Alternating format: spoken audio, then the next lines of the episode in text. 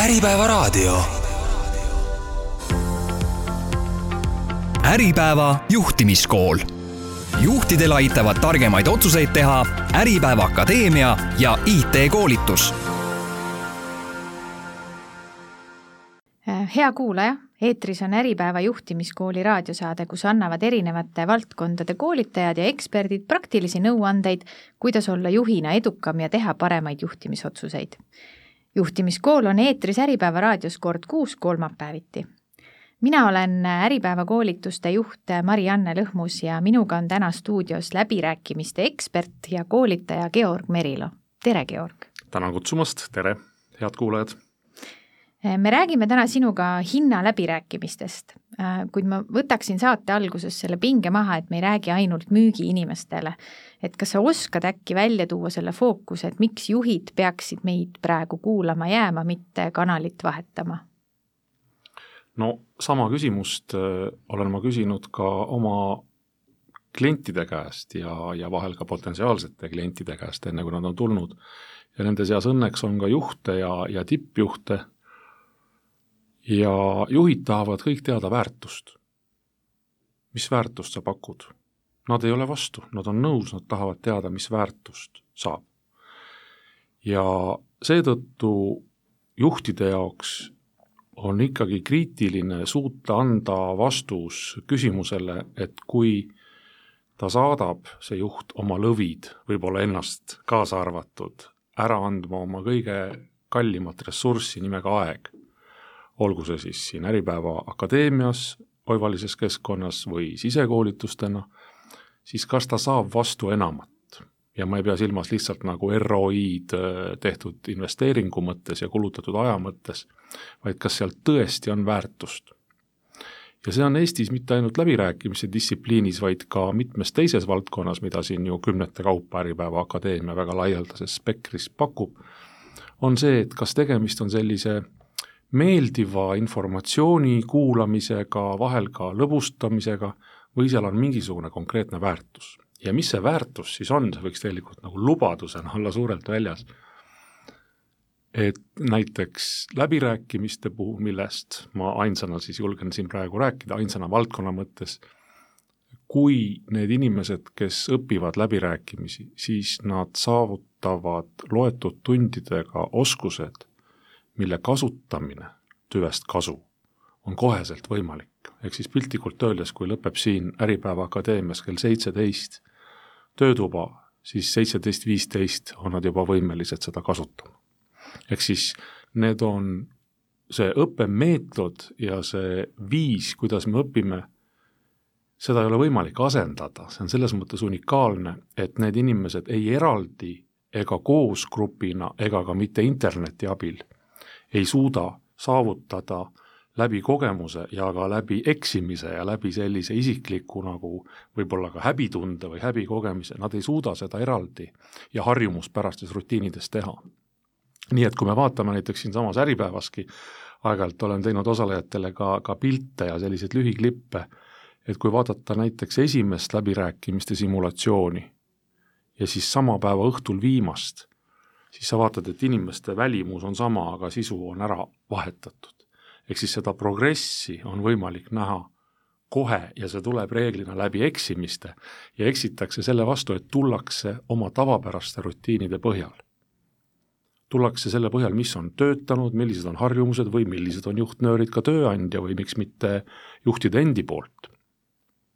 aga me ei räägi ikkagi läbirääkimisest ju ainult äh, müügiinimese vaates, vaid äh, läb-, kui me räägime läbirääkimisest, siis kõik inimesed äh, saavad seda oskust kusagil ära kasutada. jah, just nimelt jälle ära kasutada, mitte ärakasutamise mõttes, vaid jälle sellest samast tüvest kasu.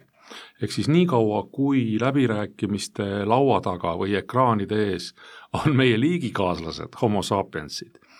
nii kaua, mida on ka väga paljud osalejad välja toonud, et jutt ei ole ainult hinna läbirääkimistest ega ostu-müügi,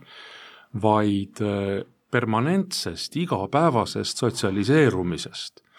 ja, ja, ja kui ma näiteks viskan välja mm, näiteks Äripäeva Akadeemias osalejatele, et ühe päevaga on teil võimalik vähendada läbirääkimisteks kuluvat aega neli kuni viis korda siis ega seda reeglina ei usuta, vaadatakse selliste skeptiliste pilkudega. ja kui ma olen nende endi soorituse abil selle tõestanud, loomulikult on inimestel, nagu öeldakse, kaheksandad hambad paistavad, naeratus on näol, sest et, et nad said aru, kuhu kaob aeg, noh, laulda viisil, kust tekib tolm, jah, ehk siis kuhu kaob tegelikult läbirääkimistel see aeg ja kuidas sisuka lakoonilisusega, läbivaikimisega on võimalik saada lühema ajaga oluliselt parem tulemus. nii et siia lõppu ma heidangi headele kuulajatele sellise audiokinda teile, teile pähe, et kas asjaolu, kui igast teie kuuekümnest läbirääkimiste või koosoleku minutist vabaneks nelikümmend viis, ehk siis viieteist minutiga saavutaksite sama tulemuse, et kas see on teie meelest konverteeritav valuuta aastal kaks tuhat kakskümmend kolm või mitte? see aitab see sammu lähedale sinna neljapäevase töönädala poole, kõik tööandjad kui see aja, ajavõit sealt tuleb. Aga ma tulen korraks tagasi selle läbirääkimiste poole nagu suuremas pildis, et kui palju on täna üldse muutunud see aeg ja keskkond ja viisid, kuidas me läbi räägime? on väga kvaliteetne küsimus, esiteks head kuulajad, alati on olla, hea olla stuudios, kus äh, küsitleja on viinud ennast asjadega kurssi, et Marianne, sul on õigus, asjad on muutunud ja ütleme, selline lai spekter, ehkki meil läheb vist neljas iseseisvusaasta kümme ja ütleme, meil on jämedalt nagu üheksakümnendad, nullindad ja siis selle sajandi teine aastakümme justkui, ehk siis millised on olnud trendid lühidalt, et üheksakümnendatel ikkagi domineeris ülesõitmine. Domineeris, väga palju sõltus läbirääkija isikust ja isiksusest, edasi, mis juhtus nullindatel, ehk siis teisel iseseisvusaastakümnel, vähenes läbirääkijate hulk. et kui vanasti, vabandust, mindi piltlikult öeldes viie-kuuekesi, see oli normaalne ja teiselt poolt sama palju vastas ja siis seal oli teatud selline äh, pagunite järgi, et kes kellega räägib ja kes mitte ja, ja, ja olid protokollijad ja sekretärid kaasas ja nii edasi. Et see on mastaapselt äh, muutunud. Ja muutunud just kahes plaanis, esiteks äh, mida kiirendas ka Covid ja selle läbi kõikide nende Teamside ja mis iganes virtuaalsete, eks ole, digitaalsete äh, platvormide areng, ja teiselt poolt siis vähenes osalejate hulk, mis on ka otseselt nagu seotud omavahel, ehk siis tänase päeva standard ühest ettevõttest või organisatsioonist on üks inimene. mis ei ole muutunud, on, et kui varasemalt siis mahu pealt pandi nii-öelda mitu pead kokku, siis praegu peab seesama üks inimene istuma reeglina, hingama, mõtlema oma asju, mõtlema teise poole asju, jälgima mängu, suuta fikseerida, vajadusel võtta aja maha ja nii edasi. ehk siis, kui nüüd sinna otsa panna see lõputu lobisemine, no see on übermensch, see on, see on ebainimlik või üliinimlik, ehk siis see ei ole realistlik kogu aeg rääkida. ehk siis see läbirääkimised on muutunud tegelikult läbi vaikimisteks ja on muutunud läbi mõtlemisteks ja ainult hädavajaliku teineteisele ütlemiseks, et selles mõttes on selline äh, millimeetriste õigete sammude ajastu, mitte kõnede ja, ja veenmise. ja teiselt poolt võib ka öelda seda, et, et vertikaalse hierarhia ajastu on ka möödas läbirääkimistel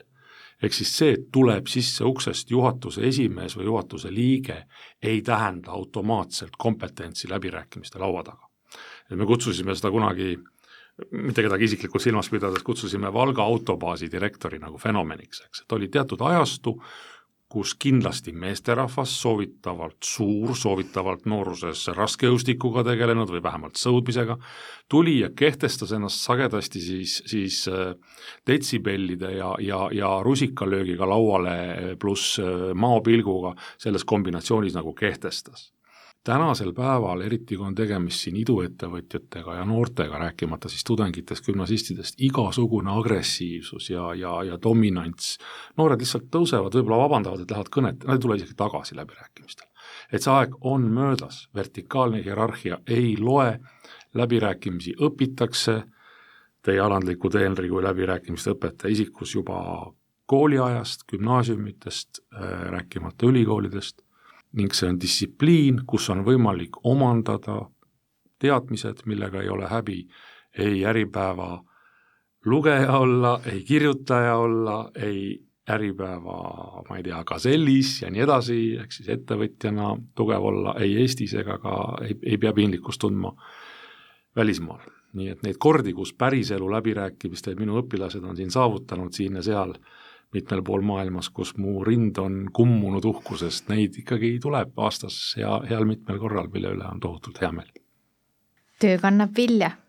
Eh, me rääkisime eh, põgusalt enne ka sellest eh, omavahel nii-öelda sellest läbirääkimisviiside muutusest, eks ju, me oleme, oleme kolinud online kanalitesse, suurt rolli mängivad sellised asjad, mida võib-olla vanem generatsioon ei, ei tea ja ei oska kasutada, kas või needsamad emotikonid, eks ju, et kas sa nendest ka tahaksid natuke rääkida? Aus vastus ausale küsimusele on, et ei tahaks. Ent see on ajamärk ja ignoreerida neid ei saa. Kui eh, emotikonid tulid, ütleme sellisesse minu nagu intellektuaalsele radarile, ütleme kuskil üheksakümmend üheksa äkki midagi taolist, igal juhul sajandivahetuseks olid nad kohal minu, minu teadvuses ja silme ees, siis ma arvasin, et see on nagu üks järjekordne allakäigumärk, kõik on ikkagi lihtsustub ja, ja, ja primitiivistub ja nii edasi. ja ma söön selles mõttes oma sõnu väga hea meelega, et kuna ma töötan kindlasti vähemalt poole ajast töötan noortega, ehk siis Euroopa Liidu definitsiooni järgi siis kuni kakskümmend kuus, jah, mitte sünniaasta, vaid, vaid vanus, siis äh, on ütlemata suur vahe, kas äh, kirjalikus kommunikatsioonis ütleb see noor sulle parimate tervitustega vai, või paneb näiteks kõige täpsema näo seal näiteks kuue tuhande või kümne tuhande, mis see valik on sealt kõige täpsema näo, ehk siis informatsiooni on rohkem emotikonis. Ja seetõttu ma ei arvanud, et, et ma kunagi seda ütlen, aga, aga emotikonidest, kui poolte vahel on tahe ja käib nii-öelda selline armutu aususe ajajärgu järgimine, siis äh, noorte puhul äh, on informatsiooni emotikonides. vanematel soovitan ikkagi jääda vanade heade omadussõnade ja adjektiivide ja juurde peame kasutama tõlkemeetode, et saada aru, mida noored nende emotikonidega meile öelda tahtnud on. jah, no sama on, sama on ju ka lühenditega, jah, lühenditega, kus on olnud küll ja küll äpardusi,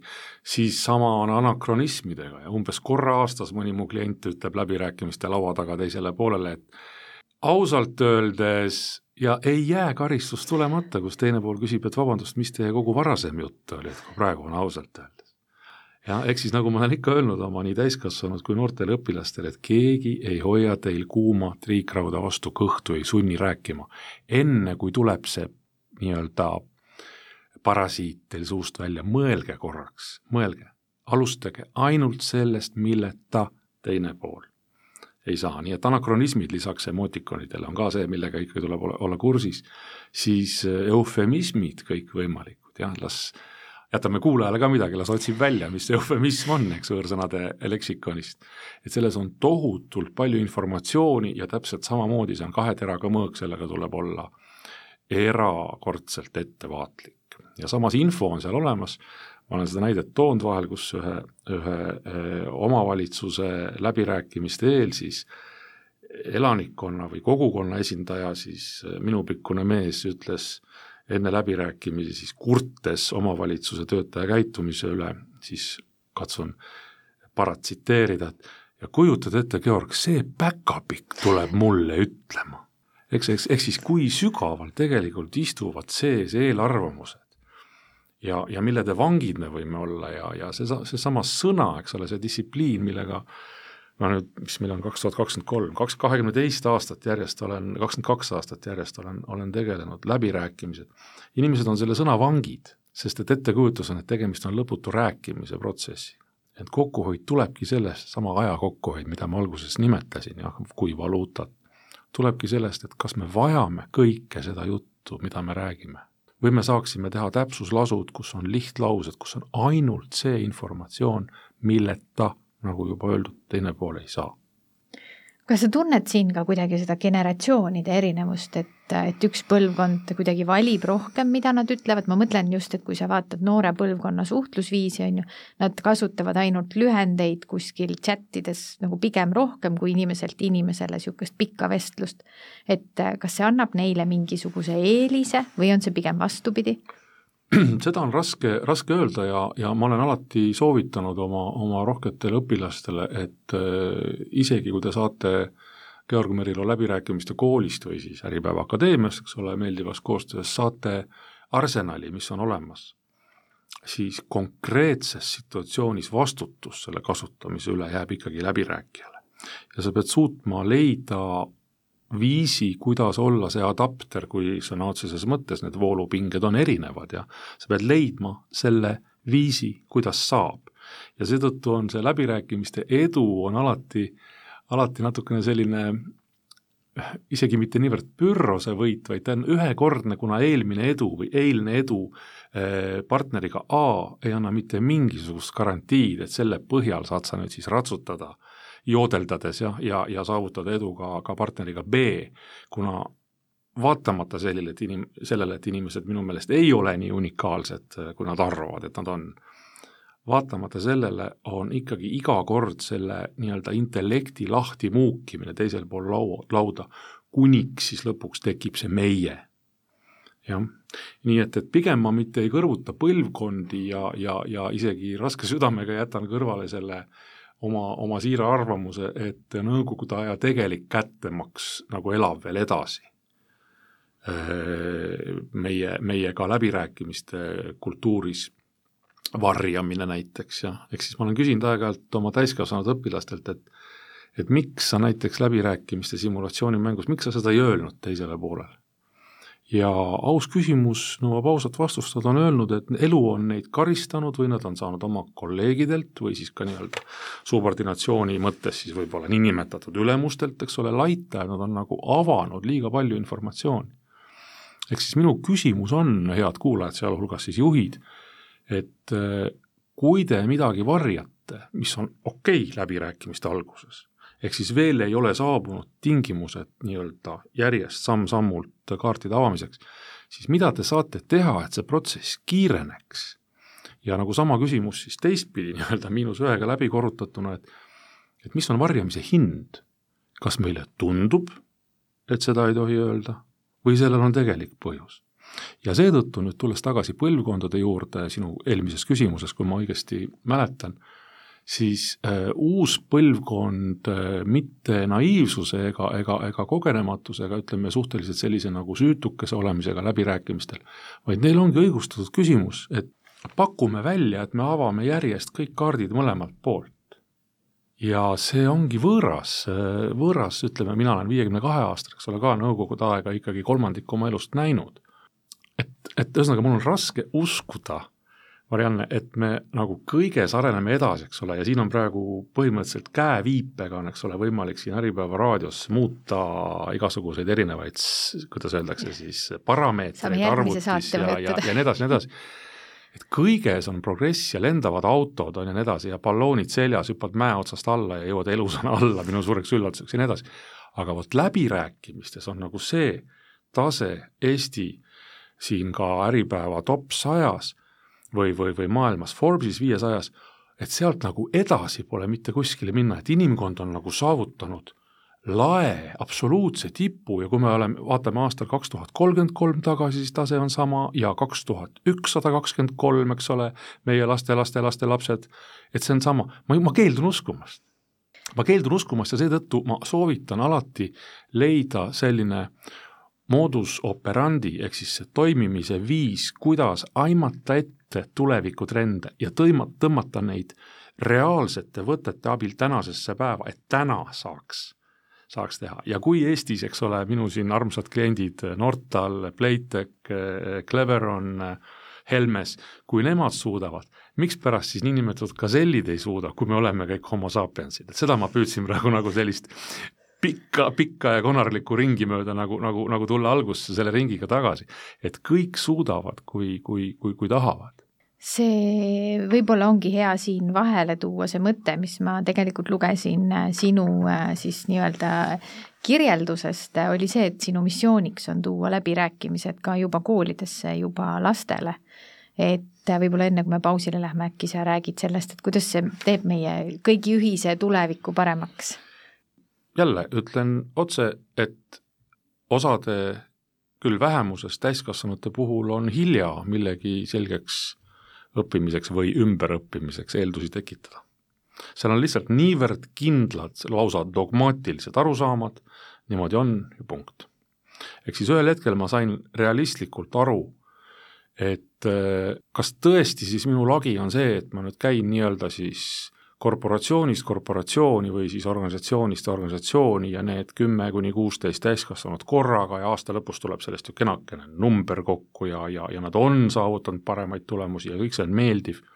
aga ma sain aru, et sellest nagu suurt muutust ühiskonnas ei tule ja püüdes nagu loogiliselt vaadata, mida siis saab teha või kuidas nii-öelda visata see salto, mida mulle meeldib ikkagi tuua ühe äh, Eesti äh, näitleja puhul, kes kellele lavakat lõpetades ütles äh, Panso, et äh, Üksküla, et teil on äh, oht jääda ühekülgseks nagu hambahari. ja Arne Üksküla vihastas, aga viha läks mööda ja, ja siis ta jäi mõtlema Panso sõnade peale, olles minu meelest Rakvere teatris näitleja. et mida ta peab tegema, milline on see tema salto, et ta ei oleks ühekülgne. ja vot ma mõtlesin midagi taolist, et mis siis on see, see, see, see viis, kuidas saab, kuidas tiražeerida või paljundada, kuidas see, kuidas sa ei pea näiteks kahekümne aasta pärast enam tänasele viieteistkümnele, kes siis on kolmkümmend viis, kuidas sa ei pea selgitama, mis asi on läbirääkimised, vaid et ta saaks ise aru, kuidas ta ei mõtle meie ja nemad, vaid asub tekitama meiet. ja sarnaselt nagu siis Üksküla tegi oma George'i rolli eh, O'Neilli selles Pikk päevatee kaob öösse, aastat ei julge öelda, Pärnu Endlas millega temast sai siis armastatud Üksküla ja mitte, et ma ennast nüüd Ükskülaga võrdlen, aga jutt on Saltost, eks mm. -hmm. ja siis ma sain aru, et Salto läbirääkimistes ei tule Eesti tippudele maksimumi andmisest, sest et nad on ise tavaliselt juba väga-väga head, nad vajavad nagu võib-olla lihtsalt kontrolli, mõtete kontrolli ja väga tihti läbimängu ja näiteks, et kui homme on päris läbirääkimine, siis täna kutsutakse mind vaatama seda läbimängu ja püüda viga üles leida ma sain aru, et tuleb minna noorte kallale ja see oli selline hetkeline välgatus, ma kirjutasin Õpetajate Lehes ka artikli, mitte et ma oleks eriline anglitsismide sõber, aga sobis minu meelest see I have a dream äh,, ajalooline, eks ole, kutsung, unistus siis, et, et, et kõikides Eesti koolides saaksid kõik noored õppida kunsti nimega läbirääkimised. ja tollal, see oli siis kümme aastat tagasi või nii, ei, ei võetud mind Haridus-Teadusministeeriumis jutule sellega siis ma valisin äh, sellise strateegia, võib öelda mõnes mõttes tagantjärgi, igal juhul teadliku otsuse äh, land on your own moon. ehk siis ma otsustasin, et ma hakkan lihtsalt tegema. ja esimene eliitkool, kes võttis vastu minu siis pakkumise, kui poolest see nagu vastastikku lähenemine, oli Vändra gümnaasium väike vapper Vändra gümnaasium, mikspärast ma ütlen eliitkool, minu meelest kohad, kus su nagu kogu tähelepanu on õppimisel ja õppimisega seonduval, need on konkreetselt eliitkoolid.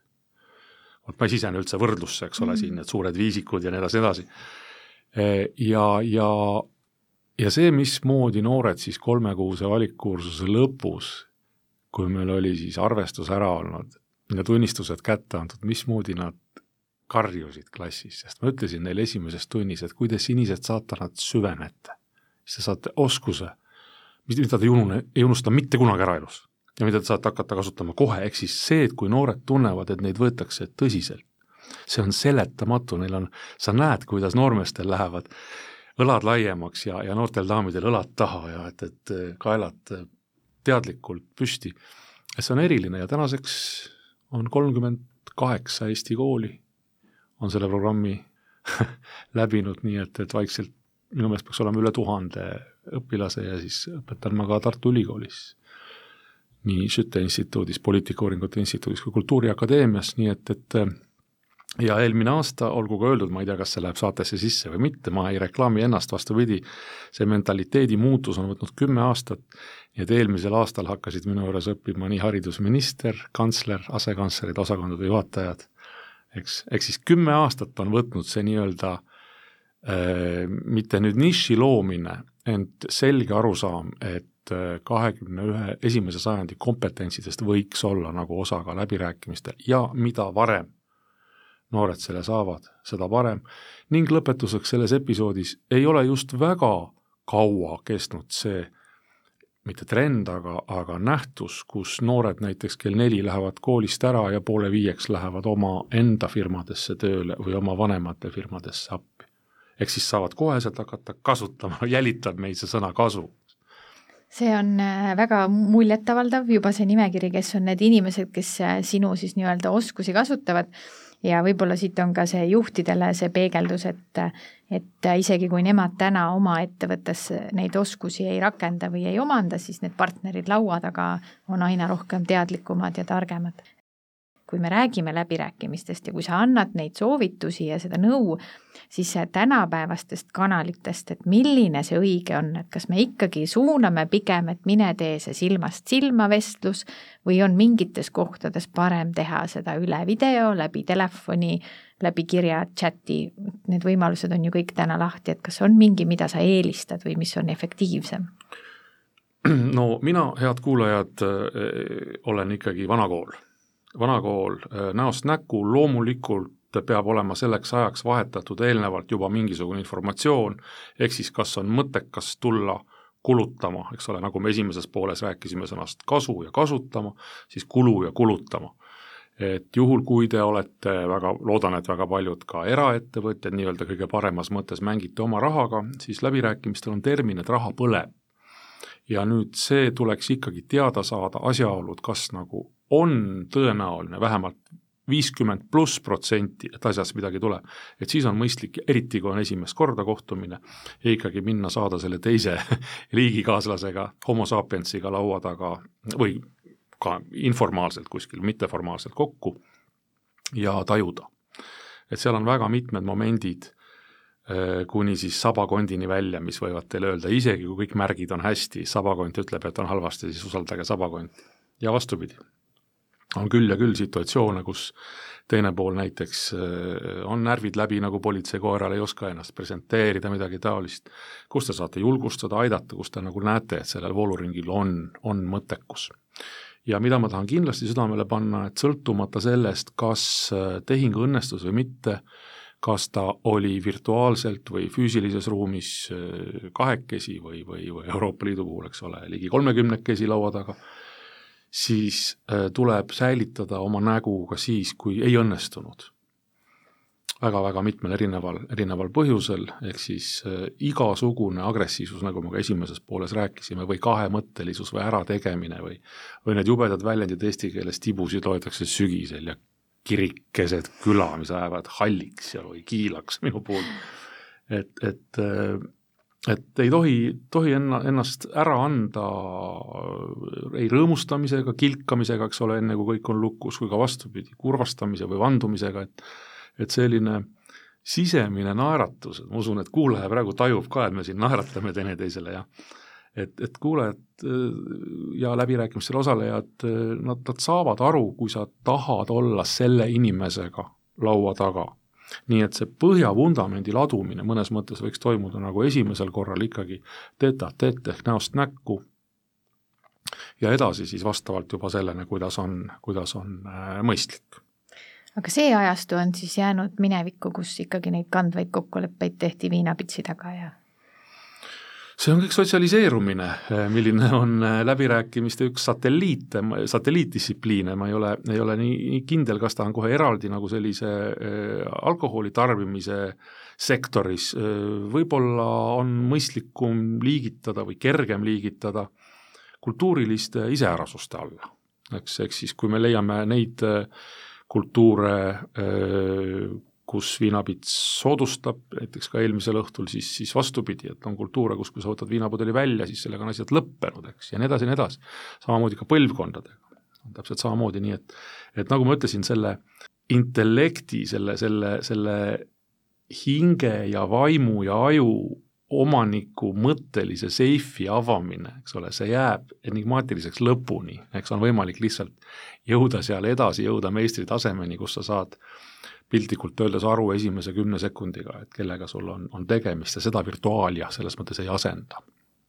aga kas see eeldab ikkagi mingisugust pikka eeltööd, et enne kui ma lähen kohtumisele, ma uuringi välja, kes on minu vastas, mis taust, mis kultuur, mis hobid, et kas me teeme ka selliseid asju või ikkagi, kui sul on see oskus omandud, omandatud, siis ei ole vahet, kes sul teisel pool lauda istub? no teisel pool lauda istub põhimõtteliselt vähemalt kaks ühes, eks, nagu kunagi oli see wash and go, jah, istub, eks ole, faktuaalne taustainfo ja see inimene. ja nii, et, et sa igal juhul pead tegelema nagu vähemalt, vähemalt kahe asjaga. ja taust, kõik sõltub sellest, mis sul on äh, nii-öelda, vabandust, aga rahalises plaanis mikroskoobi all ja et, et kui palju on selle tehingu väärtus, kui mõttekas on need tausta, taustauuringud. Need suured tehingud, millega mul on olnud siis au pälvida oma klientide usaldust siin, siin Eestis, seal on olnud keskmine valmistusaeg võrreldes ühe tunni läbirääkimistega on kaheksa tundi. ehk siis see proportsioon kaheksa tundi täna ettevalmistust ja homme üks tund siis nii-öelda seda suurt asja. nii et me piltlikult öeldes täna me ütleme, kui me kasutame näiteks ühte ruumi, on see renditud või, või kliendi enda juures, siis on kogu kolu on keskele lükatud, seinte peale on kleebitud siis põhimõtteliselt tapeedirullid, aga tagurpidi ehk valge poolega tagaküljega vaataja poole. Ja me oleme seal siis need homsed teemad joonistanud üles nagu põhimõtteliselt nagu tee ja siis ristmikud, millised võivad tulla need hargnemised ja allhargnemised ja nii edasi. ehk siis see on natukene nagu selline, kes on vaadanud või kunagi vaatas seriaale CSI Miami ja et me kõnnime nagu, nagu, nagu, nagu me oleksime lunaatikud selles ruumis teineteise järel, vastavalt siis kõige ees see, kelle teema homme saab olema ja siis see tiim, kes teda siis aitab, eks ole, läbirääkija ja võib-olla seal vahel on vandeadvokaat või, või, või mõni vastavalt selle valdkonna spetsialist ja ka sisuspetsialist. ja, ja me püüame siis meie nähtamatuga ehk ajuga mõelda nähtamatust ehk ajust, viies selle vahepeal nagu visuaalseks seinte peale. ja kuni siis homme, kui on see nii-öelda päris asi, siis see homne vastutaja antud episoodi eest läheb ja tõmbab siis rohelise vildikaga ringid ümber, et mismoodi me siis mängime. sest mingi mingi valiku sa pead tegema, eks ole, sa ei saa teha stsenaariumit, on ju, vaid heal juhul süžee, eks ole, ja rääkimata siis päevakorras kokkuleppimisest. ja see on üks seletamatu mõnu ja, ja, ja minu puhul personaalselt nagu, nagu kordumatu selline adrenaliini allikas, kui sa tuled läbirääkimistelt ära ja sa lähed sinna ettevalmistustuppa tagasi ja sa näed, et sa suutsid mitte lihtsalt oma positsioonid planeerida õigesti, vaid sa arvasid ära ka teise poole positsioonid. et see ongi põhiline vahe, et kui praegu juht on poole pealt meiega liitunud siin, eks ole, eh, siis, siis et, et millega, millega on tegemist, professionaali ja amatööri vahe läbirääkimistel ongi ülilihtne. professionaal ütleb, nii nagu tahan, nii lähebki. amatöör seevastu, nii nagu läks, nii tahtsingi. See on küll väike vahe sõnades, etümoloogiliselt, aga ja semantiliselt, aga sisuliselt on see printsipiaalne vahe. ja nüüd üks moment, mis on, sa ennem alustasid õigupoolest väga hästi nendest erinevatest kümnenditest ja mis on muutunud. mis on veel muutunud, minu meelest on see, on see fundamentaalne muutus Eesti läbirääkimiste laudade puhul. Äh, püütakse jõuda, juhul kui neid pooli nii-öelda õigesti orkestreerida, jah, mida ma püüan selles nii-öelda intellektuaalses kasiinos mängujuhina teha, Äh, püütakse jõuda tasandini, kus pooled saavad asja arutada koos. ehk siis mitte ühelt poolelt kaks inimest ja teiselt poolelt kaks inimest, vaid need neli inimest tulevadki nagu tasandile, kus on brainstorming ehk siis ajurünnak. Nad saavad mudeldada asja ja asja omadusi ja neid absoluutväärtusi koos. ja taoline harjutus, kui soovid, liidab poolid, sa näed, et ka teised pooled peavad midagi pingutama ja tegema. ehk siis veel kord, mitte meie ja nemad, vaid meie ja lõputu lähenemine on minu meelest nagu kaks tuhat kakskümmend kolm ja, ja edasi üks standarditest läbirääkimiste puhul. Ehm, nüüd me jõuamegi sinna läbirääkimise standardini, et äh, kas see on järgmine dokument seal tööohutuse ja sisekorra eeskirjade kõrval või mis see siis endast kujutab ja kellel see olemas võiks olla? No ta on ikkagi sisuline, ta ei ole formaalne, et, et, et kas on piisav arv luumeneid selles lambis siin, kui tuleb tööohutusinspektor või kuidas neid tänapäeval kutsutakse, hea, et pole enam riiklikku tolmupüüde, tolmupüüdeseadmete kaitse inspektsiooni ja mis ja nii edasi, edasi. okei okay,, nali naljaks, ehk siis läbirääkimiste standard tähendab mida? kui on ettevõtte aktsiaselts üks, kaks, kolm ja seal on juhatuse esimees, siis nüüd, kui see aktsiaseltsi üks, kaks, kolm juhatuse esimees või esinaine võtab tööle uue töötaja, siis lisaks olulistele tingimustele töölepingus, lisaks kõikvõimalikele sisekorra eeskirjadele ja nii edasi, on mõistlik tutvustada uuele töötajale aktsiaseltsi üks, kaks, kolm läbirääkimise standardit. meie majas, tihti öeldakse maja jah, meil, meie ettevõttes aetakse läbirääkimistel asju niimoodi seal on konkreetsed siis, eks ole, põhjad, konkreetsed viisid, konkreetsed süsteemid ja, ja milleni see viib, see viib selleni, et esiteks väljapoole, sõltumata, kas tegemist on piltlikult öeldes siis rohelisega ülekantud tähenduses ja eufemismidest rääkides, või, või, või kogenud töötajaga, et selle ettevõtte käekiri on nagu teada, see on väljapoole. sissepoole siis seestpoolt vaadatuna, juhul kui ettevõte on suutnud sisse viia läbirääkimiste standardi, võiksid olla läbirääkimised tulemuste mõttes mõõdetavad. ehk siis, kui sa lased sealt, mis meil oli, abc oli see tinglik nimi firmal ja kui läheb kümme inimest välja müüma ja nendest kümnest, kümnest kaheksa tulevad tagasi, neil on üks tulemus ja kahel on kahekordne tulemus, siis see ei saa olla enam niivõrd selle isiksuse keskne, vaid seal peab olema midagi muud, nad teevad midagi paremini või õigemini ja rääkimata sellest, kui on vaja asendada töötajaid, eks, et kõik läheks sama jutuga, on ju, et see ei sõltuks niivõrd palju meie personaalsest kogemusest ja oskustest. see, kuni sinnani välja, et vanemad kolleegid, kogenumad selles mõttes ja saavad õpetada nooremaid, eks näiteks kord aastas võivad nad teha juba ilma läbirääkimiste, õpetajata võivad teha oma läbirääkimiste töötubasid ettevõtte või organisatsiooni siseselt ja nii edasi. et see on täpselt sama, nagu ma ennem kirjeldasin, see, see saab olema tulevik ja miks mitte ka Noored Daamid Äripäevast, palun, kas Äripäev on esimene meediamaja Eestis, kes viib sisse läbirääkimise standardi või ootate, et seda teevad teised? see on hea väljakutse, kindlasti saame selle maja peale edasi peegeldada, ma jään isegi vastuse võlgu, et kuidas meil need asjad täna reguleeritud on ja kas meil üldse on. aga ma korra ikkagi tulen veel tagasi selle juurde, et kas see standard tähendab siis seda, et ükskõik kes võib minna selle alusel nii-öelda siis positiivseid tulemusi koju tooma või on seal ikkagi olulised, et mul peavad olema mingisugused isiksuse omadused, mis selle edu tagavad? tasakaalustatud segu. Loomulikult sa ei saa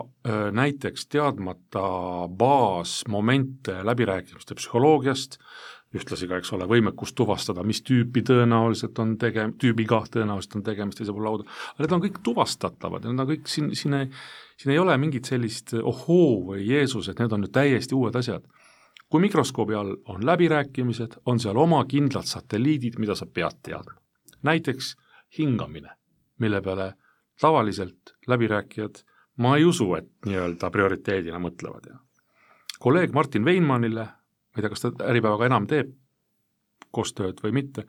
erakordselt hea mõtlemise ja, ja, ja kõne, kõnelemise ja sõnastamise õpetaja, minu meelest on ta fantastiliselt hea. Martin Veinmannil näiteks kuulub see kolme hingamise mõte. et kui praegu näiteks Marianne küsib minu käest läbirääkimiste laua taga, mitte raadiostuudios, siis äh, ma nüüd arusaamise, küsimus jõudis minuni märgiks, noogutan, naeratan Mariannele hingan esimese korra sisse, mõtlen, mida ta küsis ja miks, mis põhjusel ja mis on tõenäoliselt põhjuste põhjus ja hingan välja. ehk siis valin selle, millele ma hakkan vastama. järgmise tööfaasi ajal hingan sisse ja nüüd hakkan sõnastama seda, välistades kõike muud, mida ka assotsiatiivselt võiks öelda, aga mis oleks müra. hingan välja ja kolmanda tööfaasi järel ütlen oma nagu koomiksides jutumulli sisse, ütlen ära, mis ma tahan öelda, saadan Marianne poole sulgen suu ja hingan uuesti välja. ehk siis näiliselt on nagu tohutu ajakadu, mil nüüd Martin Veinmann oli nagu vait või tema õpetuse järgi. aga sa ei mürasta eetrit Marianne jaoks, vaid sa hoiad selle puhtalt, oled vait, vait, vait ja siis ütled ära ainult selle, ilma milleta Marianne ei saa, nagu ma olen täna juba mitmel korral öelnud. Ja see on otseselt seotud läbirääkimistega ja paradoksaalselt läbihingamine, läbivaikimine viivad kiiremini edasi ka päriselu läbirääkimistel, mitte ainult õpingutel siin all Äripäeva Akadeemias või, või, või mujal. See oli minu meelest hea näide, mida sa kasutasid ka, kui me enne omavahel vestlesime, et see läbirääkimiste oskus on nagu Exceli raamistik, kes ei saa aru, mida sa läbi räägid, mida sa seal arvutad, vaid et sinna ruutudesse võid sa kõik numbrid panna. väga täpne, läbirääkimised vähemalt Georg Merilo koolkonnas on oma olemuselt täpselt, nagu sa tõid analoogi Exceli tabeliga, ta on pime. või nagu õigusjumalanna, jah. paragrahvid kummagis käes, kaalukausid, ent silmad seotud, sa pead ütlema tõe, õiguse, reaalsuse, faktid sõltumata sellest kui sümpaatne on sulle keegi. ehk siis läbirääkimiste distsipliin on reaalaine, neid on võimalik ette valmistada, läbi viia ja tulemuslikkust mõõta Exceli tabeliga, mis on erakordselt seotud inimlikkuse koefitsiendiga. ehk siis ta on nagu kõige inimlikum, kõige humaansem reaalaine teadaolev vorm minu jaoks ja see kulub meile kõigile ära, mitte ainult hinna läbirääkimistes, vaid äh, mina no, teinekord omadus nagu iga teine. Ka näiteks kolme lapsega kulub see omadus väga hästi ära või või abikaasaga plaanide võimalik, tegemisel väga võimalik, eraelu läbirääkimistes ma ei usu, et minust kellelegi suurt kasu kas see raamistik seal ei tööta? kasu oleks, pigem on ikkagi väga lihtsalt järgiantav kiusatus seda mitte kasutada, et sellel ei ole lihtsalt, lihtsalt mõtet, ehk siis korjad ära selle pimeda Exceli ja numbrilisuse ja, ja hoiad ainult ainult, ainult inimlikkust, küll aga võib-olla selline harjumus, kuidas saab. ehk siis näiteks, et sa ei ole mitte millegi vastu, vaid millegi, millegi poolt ja võib-olla ka see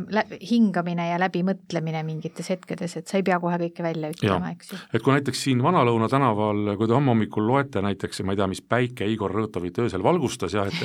et ta on otsustanud, et fassaad vähemalt peaukse juures värvitakse neoonkollaseks no selliseks, et kui sõidad sealt Hendriksoni küüru mööda, vaatad, on ju, siis tunned, et vähemalt kaine peaga ei saa enam vaadata sinna, eks. siis öelge mulle nüüd, nii kolleegid siin kui ka head kuulajad, milline mõte oleks hakata nüüd Igoriga vaidlema, et kas sa oled hulluks läinud peast või nii edasi, see on alati kaotatud aeg, te ei saavuta muud mitte midagi, kuivõrd ta on veel kindlamalt oma selle mõtte juures.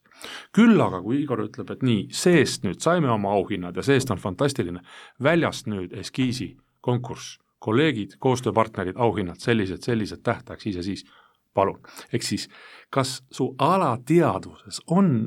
harjumus mõelda, kuidas saab, mitte et ma olen selle vastu või mille vastu, vaid kuidas saab, ehk siis, et me peaksime, võiksime jõuda nagu informatsiooni põhjal otsustamisse. mitte selle peale, kes domineerib või kellel on äh, nii-öelda äh, kelle, kelle rahaline väärtus on tähtsam või kelle positsioon või nii-öelda vertikaalne hierarhia, millest me rääkisime esimeses osas ja nii edasi. me hakkame vaikselt jõudma ka saate lõpupoole meie saate üks siis lubadusi on, et me alati anname juhtidele praktilisi nõuandeid, üheks on kindlasti see läbirääkimiste standardi sisseviimine oma ettevõttes, aga kas on midagi sellist veel, mida nad juba täna peaksid tegema või kuhu saaksid hakata samme seadma? Loomulikult on ja kõigepealt kõik see, mida te läbirääkimistel teete, näidake seda seina peale. kas kõige lihtsamal pabertahvlil või läbi data ekraanile. alustage informatsiooni vahetamisest, alustage vanast heast päevakorra tegemisest, läbirääkimiste päevakord sünnib asja olulistest omadustest näiteks koostöölepingut ei saa läbi rääkida, vaid selle koostöö omadusi olulisuse kaupa. ja nüüd sisestage see informatsioon, ma arvan, enamik juhte on rohkem või vähem tegelenud spordiga, tavalisse turniiritabelisse, kus teil esimene veerg on päevakord, näiteks viis punkti, teine veerg on ühe poole positsioonid, kolmas veerg on teise poole positsioonid, täitke see informatsioon ära nii, nagu te tulite ja vaadake sinna peale kus on ühisosa, ehk mis on rohelises, kui rääk-, võtta aluseks primitiivne võrdlus valgusfooriga, ning kus on see, kus on läbirääkimiste mõttes konflikt, ehk siis nii, nagu te tulite, millest te saate erinevalt aru. ja kümnest Eesti juhist üheksa minu, nagu ma ütlesin, kahekümne kahe aastase kogemuse puhul, kui milleski on eri arusaam tulnutena, hakatakse seal vaidlema ja sellega ongi pahandus majas. Te tulite teades ainult oma infot, Te ei teadnud teise poole oma. viige see tabelisse silmad ette ja vaadake peale ja umbes pooltel juhtudest päriselu läbirääkimistel läheb emb, kumb, emb-kumb pool läbirääkimistel, läheb tahvli juurde ja muudab juba ära, sest et kõik selgub võrdluses. täpselt nii primitiivne ongi, sa vaatad, ahah, nende positsioon on selline, kui nemad ütlevad X, X, Y, meil pole mõtet öelda X, Z, Z näiteks, kui rääkida muutujatest. ja see on võluviis, kuidas inimesed jõuavad vahetatavate väärtusteni. Eriti kui tegemist on, eks ole, kommertslike läbirääkimistega, kus põhimõtteliselt teisele poole märki varem või hiljem jõuab äh, rahanumber. nii et ma, ma olen vahel nagu üllatunud olnud ka siin Äripäeva Akadeemias, millised säravad isiksused ja, ja, ja milliste kasumitega ettevõtete esindajad, nii keskastme juhid kui ka tippjuhid on käinud ja nad ütlevad üheselt ja selgelt, nad ei teadnud, et selline meetod on olemas. Ehk siis eksimuse põhjuseks on lihtsalt parema mitteteadmine. Ja siinkohal ongi võib-olla hea teha üleskutse, et äh, sinu koolitus äh, hinnaläbirääkimiste intensiivtreening on äh, Äripäeva Akadeemias juba kuueteistkümnendal augustil ja sinna on veel kohti, nii et võib-olla on hea aeg sügiseks sihte seada ja saate sinna registreerida. Te kuulasite Äripäeva juhtimiskooli raadiosaadet, mina olen Marianne Lõhmus, Äripäeva koolituste juht, minuga oli stuudios Georg Merilo Eh, kui sa sattusid kuulama poole pealt, eh, siis tead, et raadiosaade on järelkuulatav ja leitav koos meie teiste juhtimiskooli saadetega Äripäeva raadiolehel. aitäh kuulamast ja aitäh sulle, Georg, tulemast! protsendi tõusu ja teadliku läbirääkimiste kultuuri süvenemist, aitäh kutsumast ja meeldivat suve kõigile!